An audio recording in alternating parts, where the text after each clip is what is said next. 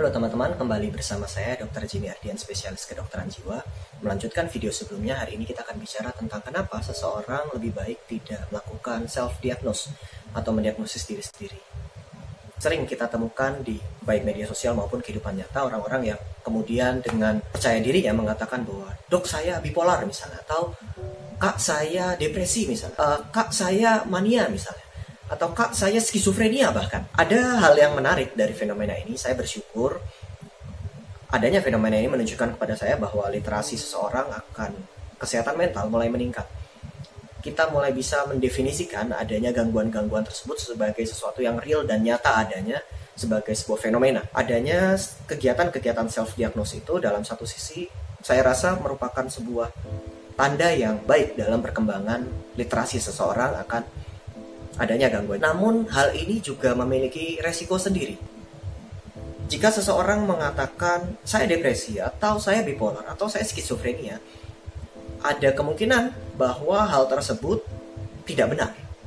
Ada beberapa hal yang mendasari kenapa kita tidak boleh self diagnosis. Yang pertama, selain karena itu mungkin tidak benar, sangat mungkin kita tidak mampu melihat diri kita secara objektif. Misalnya begini, saya depresi dok, tapi yang sebenarnya kamu rasakan adalah kesedihan misalnya. Bagaimana kamu bisa membedakan depresi dengan kesedihan? Atau kamu mengatakan saya bipolar dong? Pertanyaan saya adalah, apakah benar mood swingmu itu bipolar? Tahu dari mana kalau itu bipolar? Bayangkan jika kalimat tadi diucapkan ke orang yang benar-benar mengalami bipolar ataupun depresi. Aku depresi, aku sedih. Orang yang depresi betul mendengar kalimat seperti itu dan mendengarkan keluhan dan cerita-ceritamu yang sebenarnya bukan depresi akan sangat menyakitkan apalagi ada tambahan-tambahan biasanya orang-orang yang mengalami self diagnose suka memberikan saran. Aku juga pernah kok uh, anxiety disorder. Aku bersyukur aja atas hidupku kemudian gangguan cemasku sembuh. No.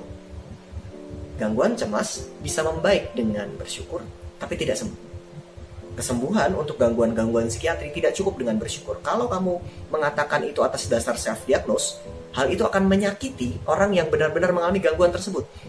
Apalagi yang mengatakan saya skizo loh Iya, saya biasanya ada punya teman berkhayal gitu. That's not schizophrenia. Schizophrenia ada gangguan yang sangat berat dan mengganggu keseluruhan hidup dari pasiennya, dari penyandangnya. Dan seseorang yang self-diagnose bisa sangat menyakiti orang yang benar-benar menderita skizofrenia hanya dengan mendengar curhatannya saja.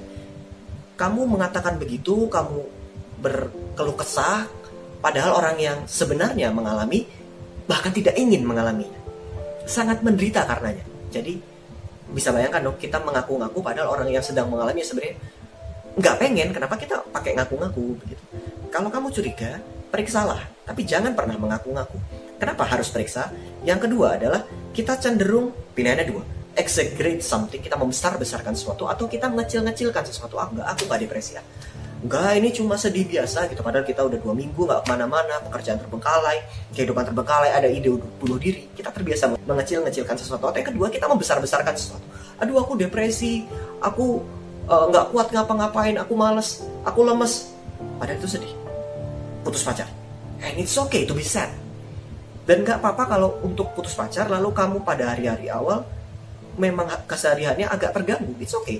Itulah kesedihan dan kesedihan itu baik, bukan depresi. Kesedihan itu normal, depresi tidak normal. Jadi tolong jangan disamakan.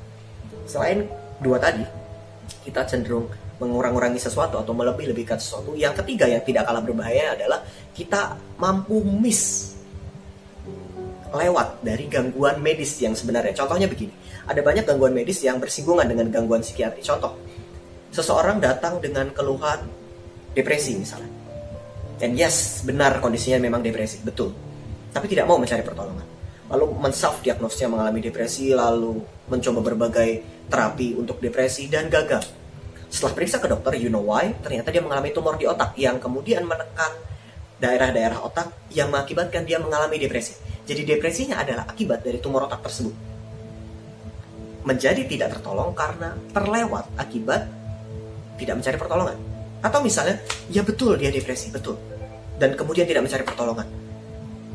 Setelah mencoba berbagai macam self therapy, kemudian self healing dan lain sebagainya, ternyata tidak berhasil.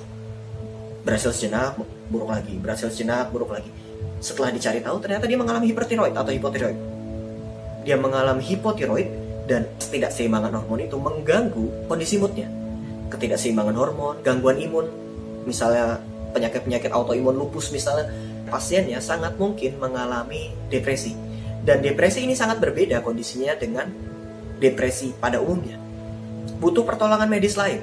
Bayangkan kalau kita self-diagnose, kita akan mampu melewatkan ini, gangguan medis yang serius, dan akhirnya terlambat mencari pertolongan karena self-diagnose. Itu berbahaya sekali, teman-teman.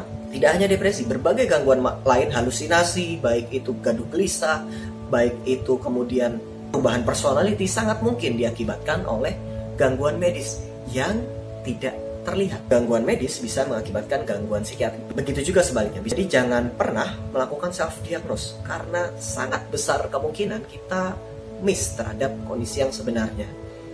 Kita cenderung melebih-lebihkan sesuatu, kita cenderung mengurangi sesuatu, orang lain dapat tersakiti karena cerita kita dan sangat mungkin kita kemudian miss dari diagnosis yang sebenarnya. Itu alasan kenapa tidak boleh melakukan self diagnose. Demikian dari saya. Terima kasih.